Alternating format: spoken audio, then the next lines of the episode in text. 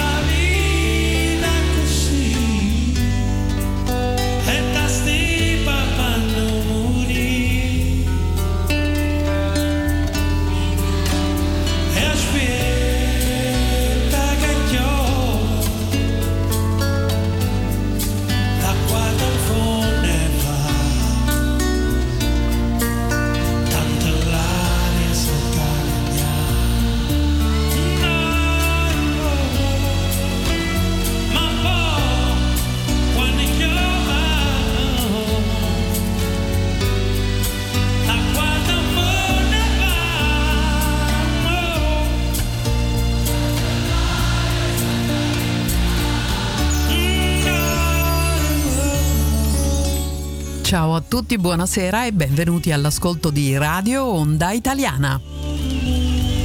Da Amsterdam, Radio Salto Staz FM. Questa sera in studio Silvia Terribili in Libera la Radio.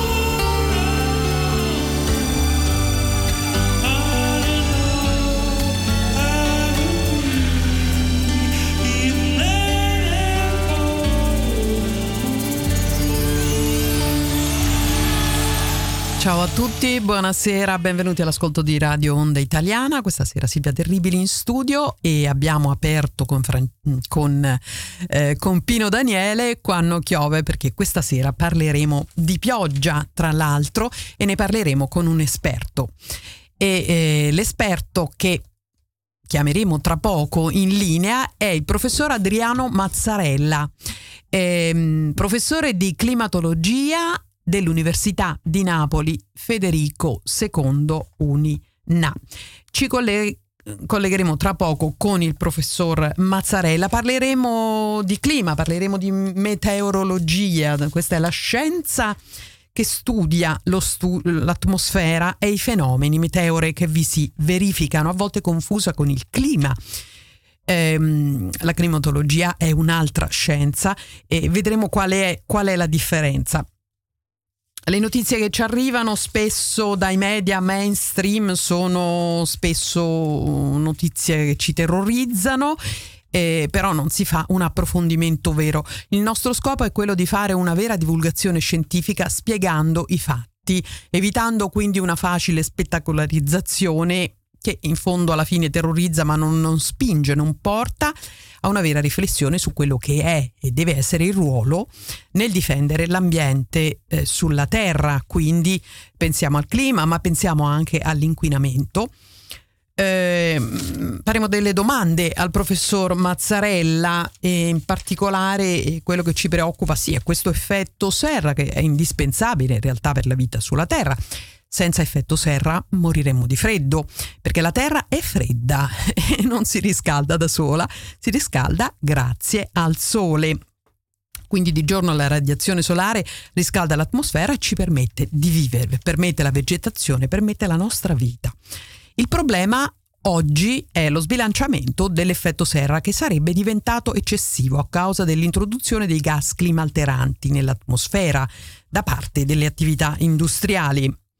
Però anche qui nascono delle domande. Il principale gas climalterante è il vapore acqueo, responsabile per il 60-70% dell'effetto serra, quindi vorremmo capire di più qual è il ruolo del vapore acqueo. E soprattutto vorremmo capire come è cambiata la, il clima negli ultimi 30 anni, visto che negli ultimi 30 anni abbiamo misurazioni sia a terra che negli oceani eh, l'acqua dell'oceano che ricopre eh, due terzi del globo te- terrestre, quindi ha un ruolo importantissimo e ehm, vorremmo capire eh, che cosa è successo, che cosa possiamo misurare. Abbiamo le misurazioni tramite satellite eh, e abbiamo anche le simulazioni al computer che però si basano su dati ricostruiti, quindi anche qui bisognerebbe approfondire, anche perché purtroppo nelle simulazioni è facile eh, cadere negli errori, cosa che è avvenuta per esempio eh, con l'utilizzo di un um, famosissima uh, grafico presentato come la mazza, famosa mazza da hockey, in cui si vedeva una, uh, un improvviso uh, incremento della temperatura a partire dal 1900 eh, in realtà poi ehm, analizzando bene questo grafico si è scoperto che c'erano degli errori, c'erano degli errori di interpretazione, c'erano degli errori nelle simulazioni e soprattutto non era eh, possibile ricostruire esattamente eh, il, modo in cui era stato costruito questo grafico. Quindi grandissima attenzione per i fenomeni, approfondimento con gli esperti. Eh, però prima di incontrare il professor Mazzarella vi faccio ascoltare ancora un po' di Francesco Guccini Acque.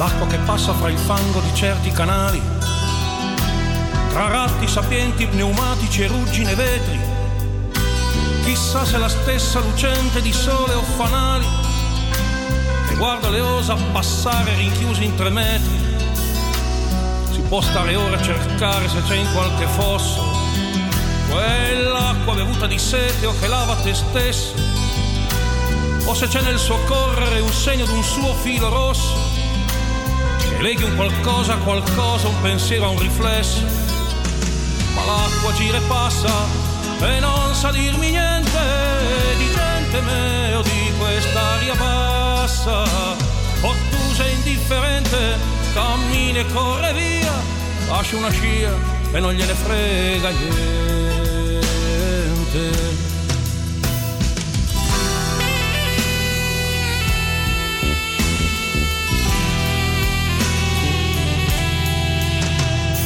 Cade su me che la prendo e la sento filtrare.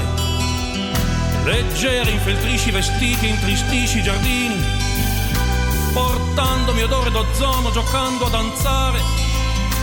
proietta ricordi sfiniti di vecchi bambini, colpendo implacabili il tetto di lunghi vagoni, destando annoiato interesse negli occhi di un gatto, coprendo col proprio scrosciare lo spacco dei tuoni, restano appesi un momento nel cielo distratto, e l'acqua passa e gira, e colore poi stinge, cos'è che mi respinge e che m'attira? Acqua come sudore, acqua fetida e chiara, amara senza gusto né colore, ma l'acqua gira e passa e non sa dirmi niente di gente me o di quest'aria. E do il benvenuto al professor Adriano Mazzarella in linea, mi sente? Eh, grazie dell'invito Silvia. Buonasera, grazie. mi fa sempre Buonasera. molto piacere averla qui tra noi come ospite a Radio Onda Sì. Italiana. E parliamo di meteorologia, parliamo di, di clima, parliamo di argomenti, delle cose, in realtà di quel, della scienza più importante per la nostra vita, in fondo, perché tutto, In fondo sì. Tutto dipende dal sole e, e la nostra vita dipende dal sole.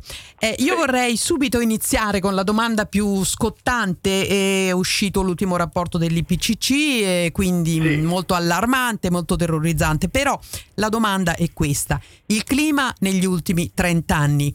Cosa sappiamo della- dell'aumento di temperature negli ultimi 30, 30 anni per quello che Sì. riguarda l'Italia?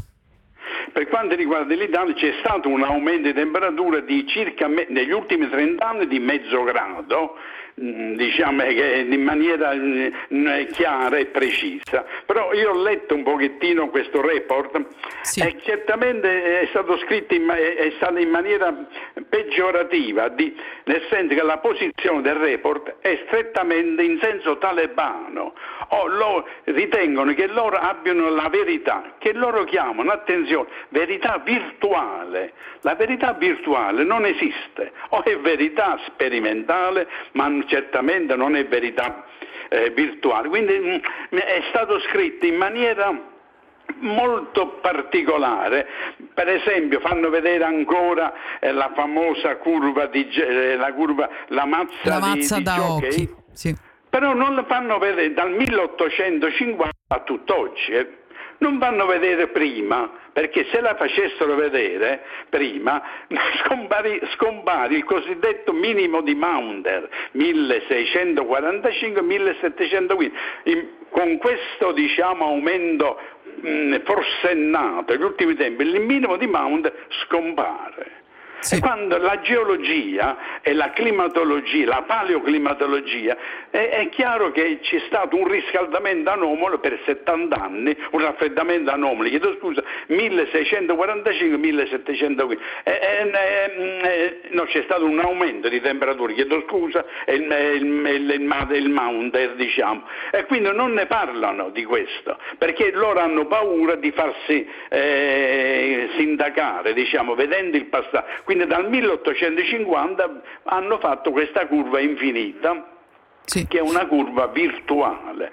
Come che nasce questa curva? Non nasce da verifiche sperimentali, nasce da modelli matematici, ma immettono dei modelli matematici e quindi delle variabili a loro molto congeniali e quindi fanno in modo che tutti questi modelli abbiano la stessa eh, direzione.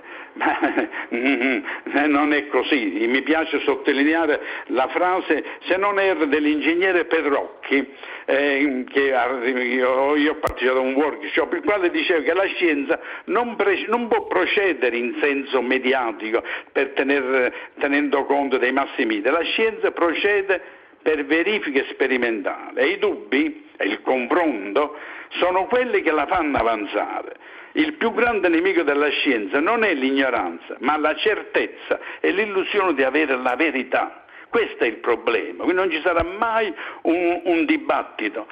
Il 9 se- mi piace sottolineare che il 9 settembre di quest'anno, quindi fra poco, presso l'Accademia dei Lincei ci sarà un workshop riguardante i cambiamenti climatici. Attuali, i recenti cambiamenti climatici.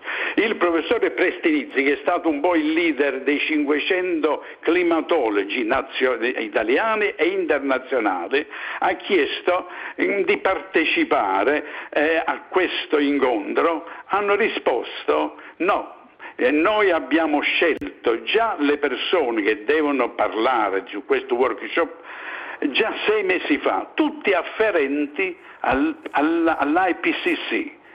E di conseguenza dice se volete potete partecipare uno solo di voi come uditore e fare una domanda. Insomma siamo arrivati all'assurdo che l'Accademia dei Lincei, che è risaputo che è un carrozzone politico però, non permette un dibattito. Cioè praticamente eh, eh, non, si fare, non si può dire più niente perché loro hanno dalla parte loro diciamo, tutto eh, questo gruppo di ricercatori molto bravi nel fare i modelli ma che non hanno esperienza proprio eh, di dati a, a sperimentali, sono bravi nel fare i modelli.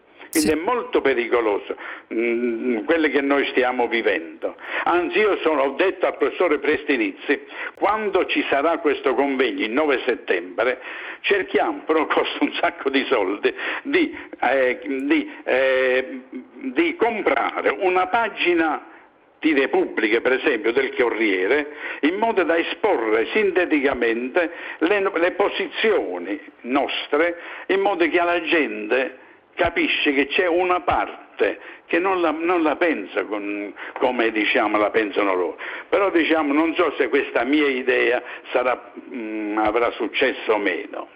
Sì, sì. ma eh, però parlavamo del 0,5 sì. Eh, gradi, gradi, e questi sì. li, misur- li, abbiamo misurati Mi sulla Terra misurati, oppure sì, sono misurati dai satelliti? Come si misura la temperatura? Allora, misur- si misurano perché esistono delle, de- delle stazioni, eh, l'Italia ha eh, una decina di stazioni che vengono eh, prima ispezionate dai vari ispettori dalla, dalla WMO, dalla World Meteorological Organization. E questi, e i dati di queste stazioni a terra poi affluiscono eh, nel centro di Wigley, nel centro di, mm, in Inghilterra, è lì che nasce questa curva mm, di, eh, che poi i dati vengono dalla Spagna, dalla, dagli Stati Uniti, eccetera, e quindi c'è questa raccolta di alcune stazioni che, eh, che, vengono prima ispezionate da alcuni ispettori per vedere se rispettano le, le, condizioni di affidabilità eccetera e dopodiché loro mettono insieme queste stazioni e si verifica che c'è questo aumento di temperatura di mezzo grado. Mm, sì, però anche dal punto di vista della misura 10 stazioni a terra, l'Italia è grande, cioè sappiamo esatto. dove sono collocate perché dove collocarla sono... eh, vicino a una...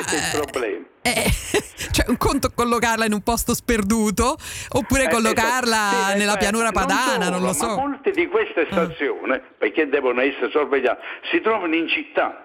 Eh, ma allora c'è un effetto eh, diciamo eh, inquinante del dato dato dal sì, riscaldamento sì, urbano sì, perché sappiamo che questo, questa variazione può essere anche di 3-4 gradi sì, eh, ma questo può alterare solo, notevolmente il, il, dato che che le temperature minime all'interno di una città di, vengono e tendono sì. a crescere le temperature minime, non tanto le temperature massime, in quanto le temperature minime risentono della, del, del calore della città. Sì. Quando le strade si riscaldano di notte mantiene ah, certo. questo cal- sì. il calore, quindi non viene eh, riemesso facilmente di conseguenza noi misuriamo man- il, il, il, la temperatura dei manufatti, sì. la temperatura delle strade, degli aeroporti, molte stazioni che sono state scelte anche dall'aeronautica militare, attenzione, eh, loro hanno scelto le stazioni che sono allocate su aeroporti perché è importante una stazione quando viene utilizzata deve essere prima verificata eh, se è continua, non ci stanno lacune, eccetera. Eh, quindi, però non pensano che stando sull'aeroporto c'è il catrame, il catrame attira il, eh, l'energia termica e quindi misuriamo in, mo- in, modo falso. Sì, ma se noi lo vediamo facilmente, se passeggiamo sul catrame nero Benissimo. d'estate, eh, si sembra di stare a 50 gradi, poi ci spostiamo di qualche metro, andiamo sotto un albero, è tutta un'altra cosa. Quindi... Perfetto è evidente che questi dati però allora soffrono di questa, eh, di questa caratteristica, cioè l'attendibilità. Sì, sì, sì. Eh, ci sono dei punti interrogativi sull'attendibilità. Tra E- l'altro, quando vengono misurati dai, dai satelliti, perché c'è anche un confronto, i satelliti non misurano questo aumento di temperatura, non misurano No. nulla. Allora Quindi i dicono, sale- no, ma i è- satelliti i danno una non- misura diversa. Ah, C'è, e- c'è nessun aumento. Quindi secondo la misurazione dei satelliti non ci No, sarebbero non c'è- degli c'è- aumenti. dim- diminuisce questo aumento, questo trend in crescita non viene visto in maniera così eclatante, questo è un Sì. fatto che tutti riconoscono, però Sì. si pensa che il satellite non sia sufficientemente eh, tecnicamente avanzato per misurare la temperatura, questa è una delle obiezioni che dicono queste dell'IPCC. Però, mm, scusi, i satelliti sono secondo le ultime tecnologie, vengono presi come il massimo della, eh, della- della No. tecnologia, quindi... Sì, ma fino a un certo punto, perché la misura a terra deve essere fatta alle stazioni a terra. Sì. Il satellite, eh, il sate- ogni satellite si trova a 36.000 km di altezza. Sì. Per quando, a 36.000 km, altrimenti non riesce a girare intorno alla Terra. Per quanto siano sofisticamente e tecnicamente avanzati, non potranno mai dare la stessa misura del sensore a terra. Sì. Quindi diciamo il dato a terra dovrebbe essere il più attendibile, Il però già da queste cose che mi ha detto... è misurato ah, da stazioni disposte in maniera strategicamente valida, eh. non alcune stazioni Negli aeroporti, per esempio no? L'aeronautica militare che ha scelto queste sono sei stazioni italiane. Sì, sì. questo già la dice, la dice lunga. E Sì. Un altro aspetto molto importante, la temperatura dell'acqua, in particolare la temperatura degli oceani. Negli ultimi 30 anni abbiamo delle misurazioni che indicano Sì, abbiamo delle cosa? misurazioni e normalmente tende un po' ad aumentare. Cioè ne- c'è anche un aumento di temperatura. Come le fanno le temperature con le, con le- le sonde, con le, diciamo, i, ga- i galleggianti che lasciano il tempo, che trovano però riescono a misurare la temperatura del- dell'acqua anche con l'aiuto delle navi, perché le navi, ogni nave, adesso una, una grande nave ha sulla, sulla prua un sensore di temperatura, quindi nell'attraversare l'oceano, vari- le, varie, le varie- le varie masse d'acqua, sono in grado di misurare questa temperatura in continuo. Devo dire la verità, che ogni, ogni grande nave ha questo sensore di temperatura. Eh, ma il e sensore dove si trova?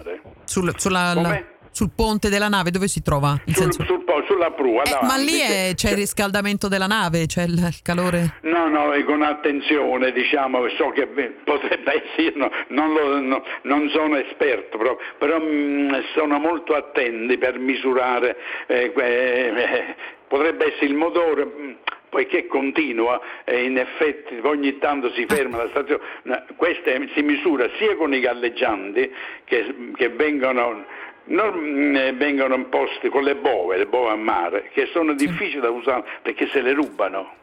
Ah, addirittura. Mettere una boa a mare che costa, molte volte eh, non c'è la sorveglianza, quindi vengono facilmente rubate e con tutte le strumentazioni che stanno all'interno. Però ci stanno queste navi che adesso fanno un ottimo lavoro, presumo che lo facciano bene, però c'è un, leggermente un aumento di temperatura, ma non è eclatante. Sì. Poi c'è anche il discorso della circolazione termoalina, che è una circolazione eh, che, che ha una durata, un periodo, credo, oltre i mille anni. Sì, E che chiaramente influenza moltissimo, Come no? eh, direi il come clima. no. Eh, perché no? Addirittura si pensa che la, la corrente Ah. del Golfo possa cambiare fra poco. Sì, e questo è un gioco di corrente. Attualmente la corrente del Golfo cammina, si pensava che dovesse inabissarsi, invece no. Eh, sono, ognuno dice la sua in merito, però c'è un problema di queste eh, correnti termoaline che eh, alimentano tutta la circolazione oceanica. Eh, anzi, questa circolazione oceanica è fondamentale per la distribuzione del- dell'energia termica eh, sia nell'acqua che anche nell'atmosfera, perché l'atmosfera sposa il mare, sposa l'oceano e di conseguenza risente anche della temperatura del mare. Sì, e poi diciamo dall'oceano praticamente è quello che determina anche il clima. la- Sì. Eh, È, eh, è la, la massa d'acqua, cioè abbiamo, abbiamo quanti 9.000 metri? No, no eh, vengono, vengono, viene, ah sì, la, la circolazione termalina è, è profonda. Quindi Io voglio dire, quella ha un'influenza enorme. Di 5 metri, 10 eh. metri. Eh. Sì, certamente, però voglio dire, la massa d'acqua comunque enorme. È, è, enorme, per cui è certo. chiaro che gli oceani hanno un ruolo importantissimo, ma sì, l'IPCC sì. li prende in considerazione gli oceani? Io penso di sì, ho letto che questa volta hanno aggiunto pure alcune note in più, una è quella della circolazione termoalina, io cioè, ho letto, diciamo, quindi le novità sono, e anche la, la, la, novità è quella della circolazione termoalina, ma un'altra novità è che loro hanno indagato anche sull'inquinamento atmosferico, dicendo che l'inquinamento atmosferico e la produzione della CO2, lo dicono chiaramente, sono due facce della stessa medaglia. Io questo non l'ho capito, perché prendiamo il pulviscolo atmosferico, le polveri sottili PM10 rispetto alla, alla, all'energia solare fungono da filtro, non vanno ad arrivare i raggi solari, mentre la CO2 produce l'effetto serra. Come, come è possibile eh, parlare di CO2 e di inquinanti come due, due facce della stessa medaglia? Questo non l'ho capito, perché due, hanno delle, dei risultati completamente opposti. Sì, tanto è vero, quando c'è un vulcano che erutta ed immette nell'atmosfera delle polveri che rimangono per anni, la temperatura sulla Terra diminuisce. Mentre la CO2, che loro dicono fa la stessa lavoro de, delle polveri, fa aumentare la temperatura secondo, perché loro eh, eh, giustamente dicono che ha, ha, un effetto serra. Com, com'è possibile? Mm, questa, mm, quindi loro hanno trattato questa volta, oltre alla circolazione termalina, anche il, le, la, la relazione inquinanti è la relazione CO2. Hanno visto che durante il periodo del lockdown, questo è interessante, non so se l'altra volta che ci siamo visti... Ne avevamo accennato, sì. La concentrazione della CO2 non è variata, infatti loro stessi lo dicono. Come hanno risposto? Sì. È vero che non è, non è variata, però ci vogliono 30 anni per variare. e che modo di parlare? Sì. Quindi dobbiamo aspettare 30 anni di lockdown per vedere qualche effetto sulla concentrazione della, della CO2. Sì. Che secondo me invece dipende dal riscaldamento della, dell'oceano. Non è l'atmosfera che si riscalda, è l'oceano che si riscalda. Sì.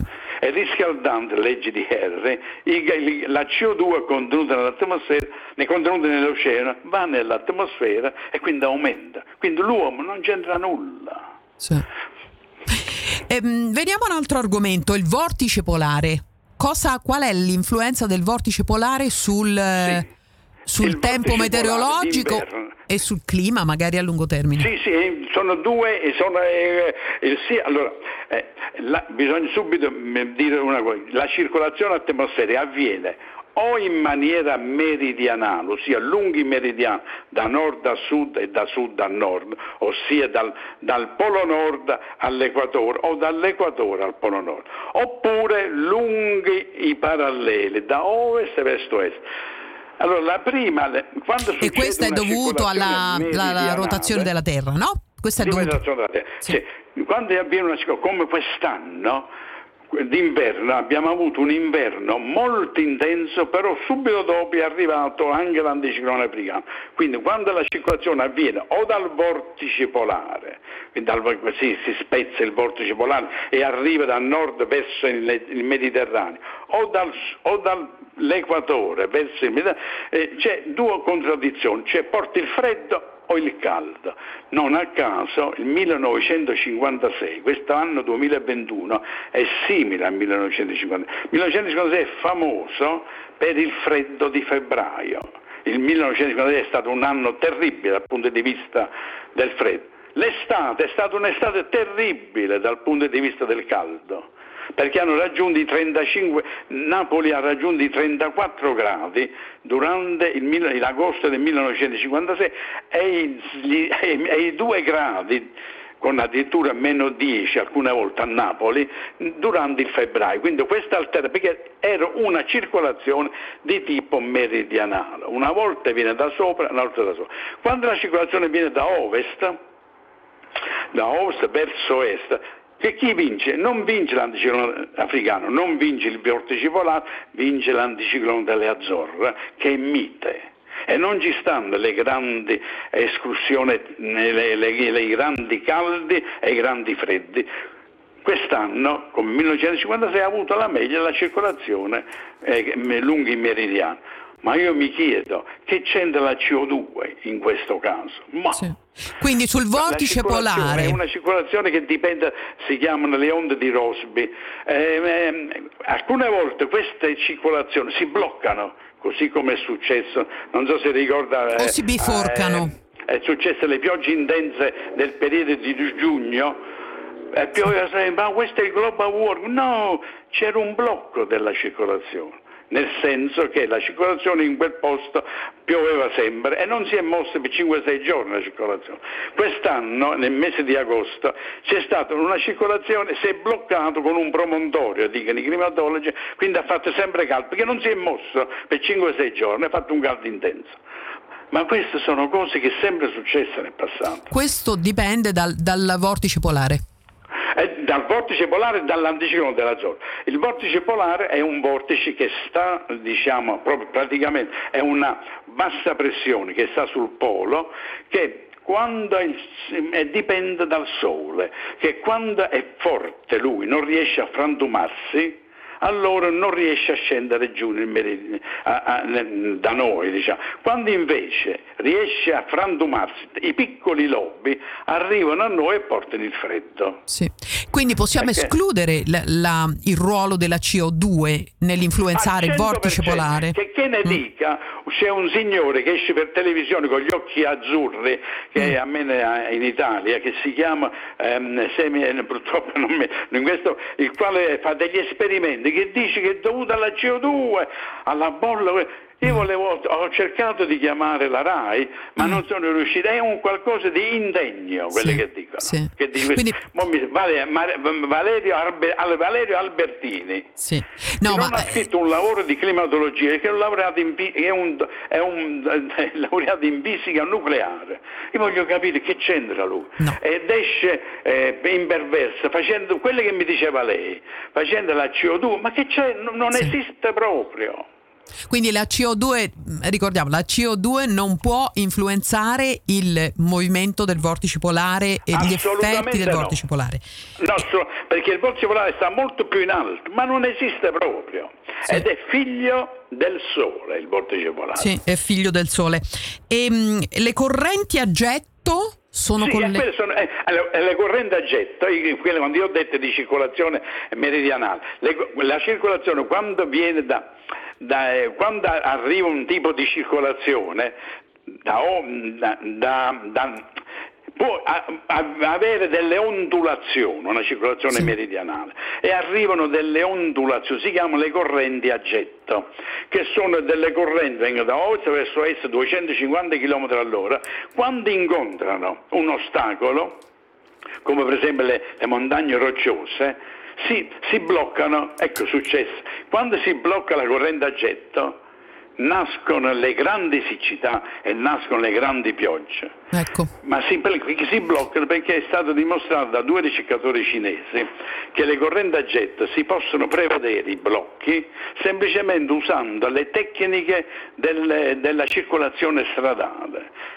una circolazione strada lunga l'autostrada, molte volte c'è un blocco di macchine perché ci stanno varie confluenze di, di altre strade e quindi mh, mm, eh, hanno, hanno eh, applicato queste pic- cioè, equazioni eh, che eh, regolano il traffico con notevoli risultati. Sono due ricercatori cinesi e quindi le, i vari blocchi di, della circolazione delle correnti a getto sono connesse proprio alla, a, a, a, queste diciamo, eh, o, o siccità enormi o grandi piogge. Quindi possiamo Dipende dire che gli, come even- si ferma. gli eventi ferma estremi... lungo un promontorio, ossia aree di alta pressione, arriva la siccità. Se tu rimani per sette giorni sullo stesso posto, la circolazione insiste, non si muove.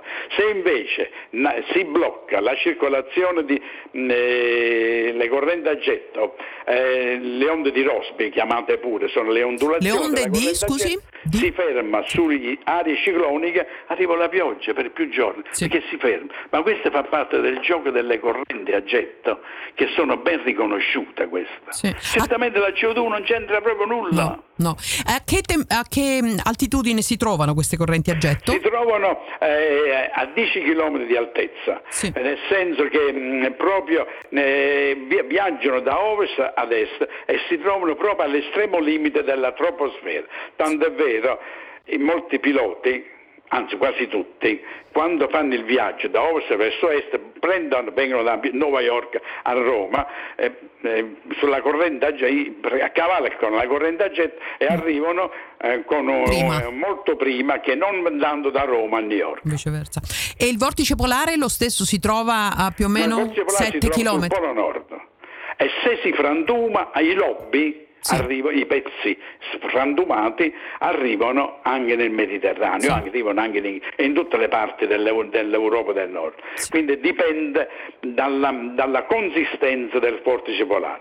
In- in- capita spesso, ma non sempre, che nel mese di febbraio è soggetto a una frantumazione e quando succede la frantumazione quasi sicuramente un lobo, ma noi parliamo di temperature bassissime, arriva da noi e porta, e porta l'inverno. Sì.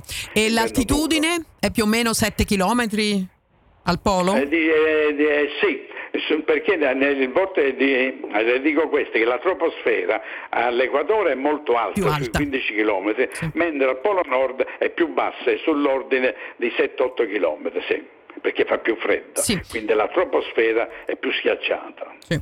Eh, si parla anche di inondazioni, uragani, eventi met- eh, meteorologici estremi e dicono che sono aumentati negli ultimi 30 anni e sempre a causa dell'effetto serra, della CO2. Allora, c'è un fatto molto interessante, è vero che loro dicono aumentando la curva termica, aumentando il valore medio, aumentano eh, le- i, i caldi estremi. Ma, nessuno, ma loro non dicono che invece in questo modo, facendo la curva di Gauss che si sposta a destra, è vero che aumenta i caldi estremi, ma devono diminuire i, i, i geli d'inverno, cosa che non capita. E questa è una contraddizione che nessuno mette in evidenza. Loro dicono che aumenta, lì se aumenta il caldo estremo, è vero questo, nel, nel momento che tu aumenti la temperatura media, le- gli estremi tendono a crescere di più. Ma anche dall'altra parte della curva gli estremi che sarebbero gli inverni gelidi dovrebbero diminuire perché si riscalda e invece nessuno lo dice, di- battono sempre i- su quella parte dell'aumento di temperatura degli eventi estremi di, di- di caldo, non di freddo. Questa è un'altra contraddizione che loro non affrontano mai. Sì. Eh, sappiamo che il maggiore gas effetto serra è praticamente il vapore acqueo, che è responsabile al Certamente. 60-70% La CO2 dell'effetto serra. il- lo poco. Parliamo di parti per porta 10 milione, no? La CO2 sono Come? parti. La CO2 sono parti per milione, il vapore acqueo parliamo milione, delle... eh, 400 parti per milione. eh. Mentre la CO2, la- la- il vapore d'acqua è 10 volte di più. Loro dicono no, è vero che 10 volte di più, però aumenta il vapore d'acqua perché aumentando l'effetto serra della CO2 aumenta la temperatura dell'aria e aumenta il vapore d'acqua. Se ne escono così. Ma eh, la- l'acqua praticamente è sempre quella, cioè se, ah, se ci sono più nuvole... eh, l'acqua è sempre quella, È sempre quella. caldo- Quindi non può aumentare il vapore acqueo. Sì, però ne- se Si sposta, in- cioè- io mi trovo in una zona, per esempio, mi trovo a Napoli e fa molto caldo, la temp- l'aria calda mantiene più vapor d'acqua perché si chiama l'umidità assoluta aumenta. Sì, però poi a un certo punto piove. una zona fredda, l'umidità ehm, c'è, l'aria trattiene meno vapor d'acqua e l'umidità assoluta diminuisce. Quindi c'è una, però a livello mondiale rimane costante. Eh, lo stesso, quindi dovrebbe piovere di più nelle zone più- mm, più- dove la temperatura aumenta e piovere di meno da altre parti, cioè non è possibile che piova di tu, da, dappertutto di più. Diversa.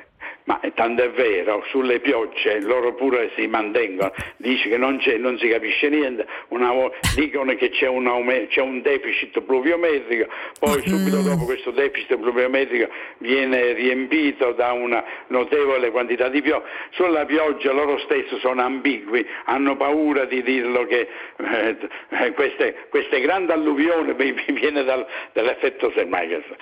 Tutto, anche gli incendi dicono che vengono dall'effetto serra. È incredibile. Sì. Che c'entra l'incendio con, le, con, l'aumento di temperatura? È vero che aumentando la temperatura aumenta la temperatura del suolo, ma aumenta estate, per esempio. Le dico, io sto facendo uno studio perché in estate ci sono più incendi perché è risaputo che l'ossigeno aumenta, le piante aumentano di più, l'ossigeno normalmente è il 21%, quando è d'estate può superare il 25% arrivare anche al 30% e quando succedono queste, arriva al 30% in, in, in corrispondenza di, particol- di, sostanze di contenente grassi, tipo per esempio un alveare contiene una cera, nascono autonomamente gli incendi. Sì. Ma nessuno lo dice. Perché eh, l'ossigeno si comporta in maniera diversa dalla CO2. La CO2 d'estate è minima perché diciamo, viene assorbita, mentre d'inverno è massima, mentre l'ossigeno è il contrario delle variazioni stagionali. Lei quando, la, quando vedi la, la, temperatura di Mauna Loa, no?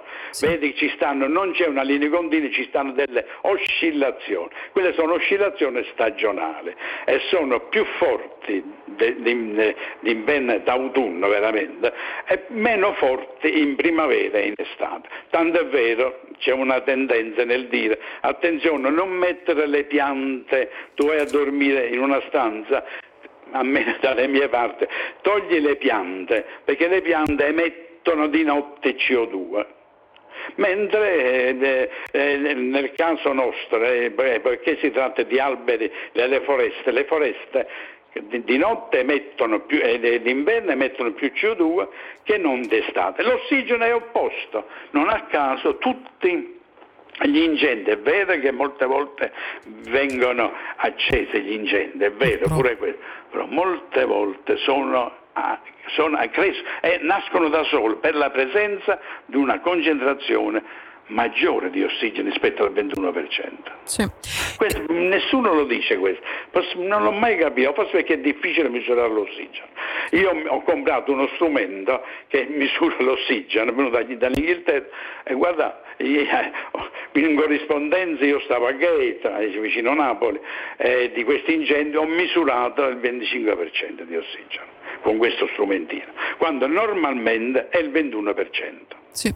Se il 25% l'ossigeno è un comburente, basta poco, non, non c'è bisogno nemmeno della scintilla bastano delle sostanze. Beh, si fa vento, no? Quando grazie. si fa vento al fuoco per attizzarlo un po', no? Si fa vento. Non ho capito? Quando si fa vento al, al fuoco. Il vento, no, attenzione, no, quando poi tira vento è chiaro che l'incendio si propaga ancora di più. Sì. Basta una un piccola fiamma e il vento contribuisce. L'importante sì. è l'innesco. Sì. L'ossigeno d'estate ha una concentrazione maggiore che d'inverno. D'inverno non ho mai sentito parlare di incendi. Perché? Sì. Perché, no, dico perché il, il, il, terreno si riscalda di meno, è vero questo, che si riscalda di meno il terreno, però non si riscalda al punto tale da innescare un, un incendio. Sì. Quindi sarebbe bene da, in, da, investigare la presenza dell'ossigeno in, durante le stagioni estive. Lei eh, tu l'hai mai sentito parlare di questo fatto dell'ossigeno? No. No. Degli incendi? No. Eh, nessuno lo dice. È un tema interessante.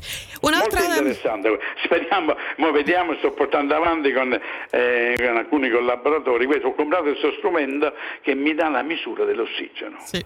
Un'altra domanda. Qui in Olanda si dice che l'estate meteoro- meteorologica eh, è finita. Eh, quella astronomica finisce il 21 settembre, sì, lo sappiamo, sì. e qui in Olanda dicono però che è finita l'estate meteorologica. Ma com- come è possibile dirlo? No, allora Poi dovrebbe allungarsi no, con l'effetto conven- serra. No, no, no, no, questa è una convenzione internazionale Mm. L'estate meteorologica finì, tanto è vero, l'autunno meteorologico inizia il primo settembre e ah. l'estate meteorologica funziona, finisce il 31 agosto.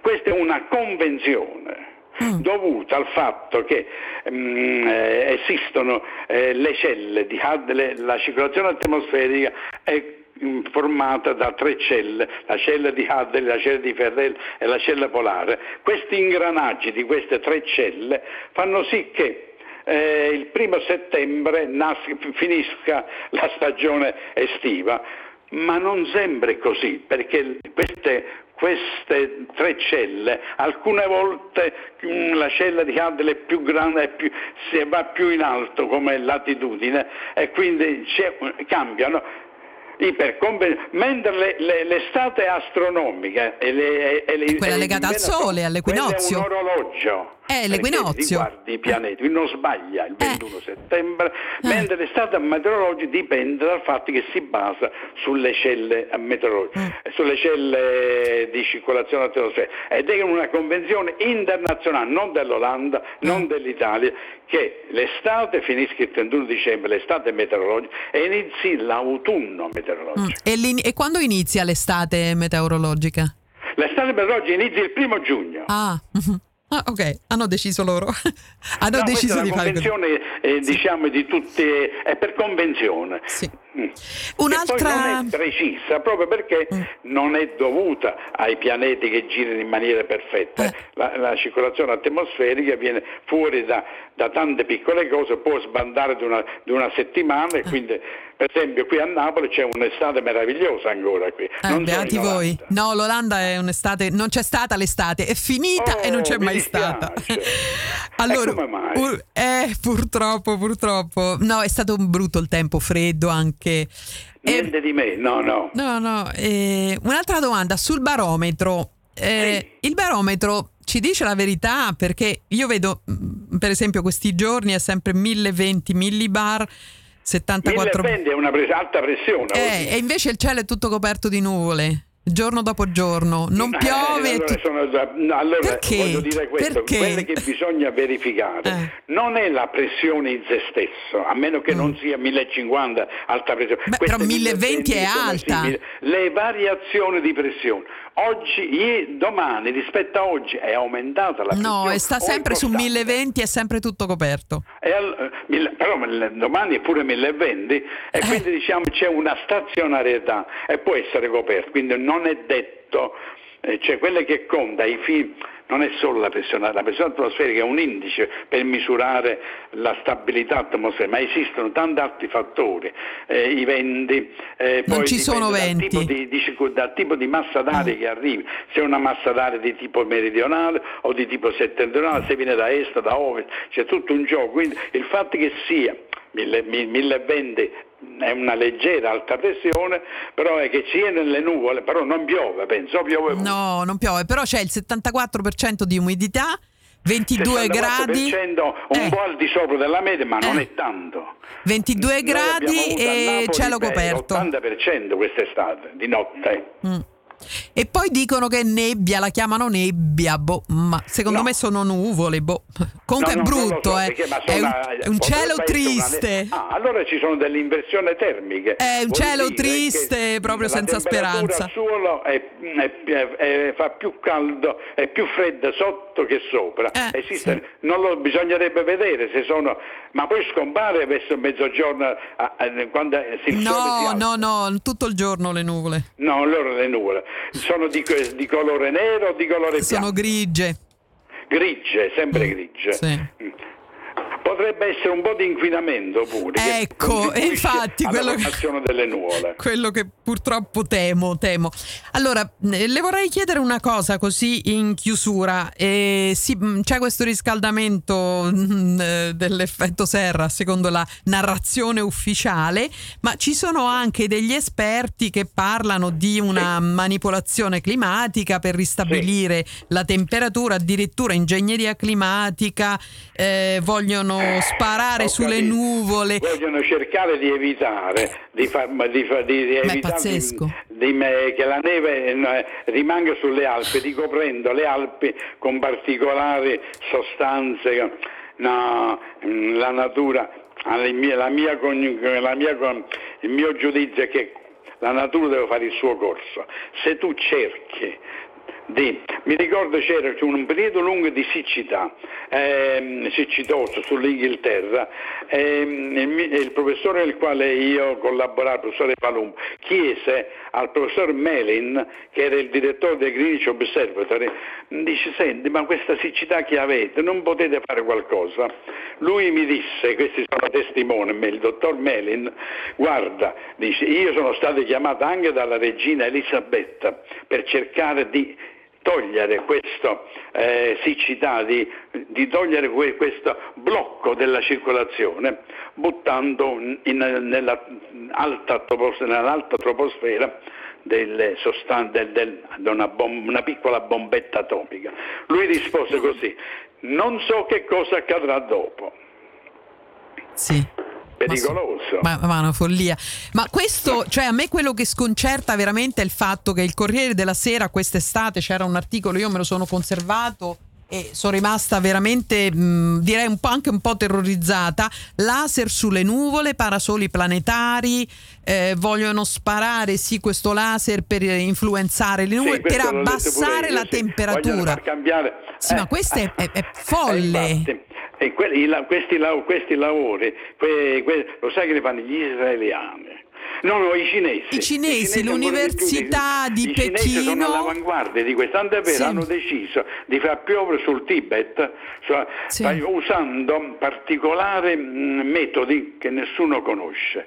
Certo è che sul Tibet sta cominciando a piovere, l'Iran Sì. sta protestando, che lì non c'è più un, un chicchio, cioè non c'è nemmeno una goccia d'acqua Sì. praticamente. Sì, ma anche in Mongolia ho letto che ci sono delle grandissime siccità perché se si sposta l'umidità, sappiamo che Sì, sì. è sempre quella Sì, sì. l'acqua, quindi sì, sì, se piove da una parte si toglie l'acqua da un'altra. Pericolo, con i raggi laser, l'Università di Berlino mi pare che ha fatto esperimenti del genere con successo, sparando dei laser dal, dal- dal- dal- di sotto verso la troposfera, pare che siano riusciti a trasformare, a rendere, a rendere più nuvoloso il cielo e a farlo far piovere. Eh, stanno- questi studi sì, ci stanno. Sì, ma questa è una cosa terribile. E il problema è si che le guerre meteorologiche. Sì, con la scusa del, cioè, cioè, ci terrorizzano con il clima, con la CO2, ci dicono non Sì. potete fare niente perché tanto non potrete Sì. mai ridurre, l'unica soluzione tecnologica è sparare i laser sulle nuvole. Però Madonna. dobbiamo opporci, dobbiamo opporci. Pericolosissimo, Sì. pericolo. Ma, eh, Io la- ringrazio, devo purtroppo prego, chiudere prego. perché il programma si finisce ora, però è sempre molto piacevole parlare con lei e soprattutto mi vie- mh, ci fa venire voglia di guardare il cielo, e di, di- di ado- di amare il cielo e di capire Sì. veramente che cosa viene dal sole, dal, dal cielo. Sono cose che fortunatamente noi non possiamo controllare e direi no. no, il nostro ruolo è... mondo, diciamo che la natura deve fare il suo eh, eh, eh, tutto quello che sta La natura ha un'intelligenza che noi non successo. abbiamo. Ha un'intelligenza che noi non abbiamo. Bravo, sì.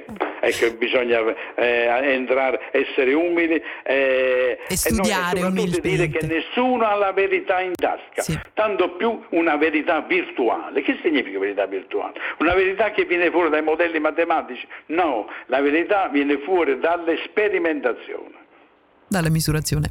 Grazie ancora Grazie, e ci te, risentiremo la prossimamente e ci saluti questa meravigliosa estate napoletana che purtroppo qui noi possiamo solo sognare. Arrivederci, grazie, Arrivederci. grazie.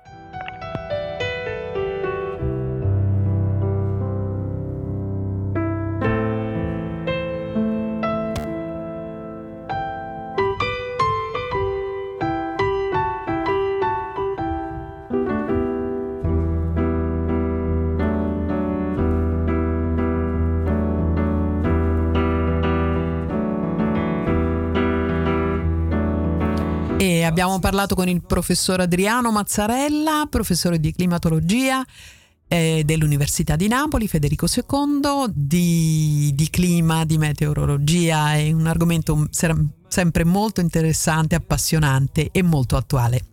Questa era Radio Onda Italiana da Amsterdam, Silvia Terribili. Ringrazio tutti per l'attenzione e ci risentiamo la prossima settimana sempre alle 20 il mercoledì su Radio Salto Amsterdam. Grazie ancora della vostra attenzione. Passano le ore su questa strada che rifarei.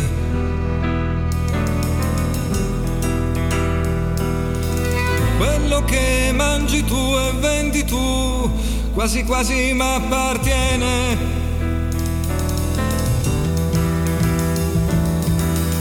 Quello che vendi tu e mangi tu è solo sangue nelle vene.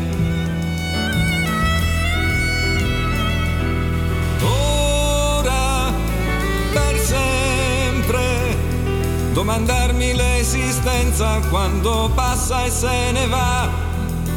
Ora, per sempre, superando i compromessi della quotidianità. Senza aspettare cambiamenti del mondo.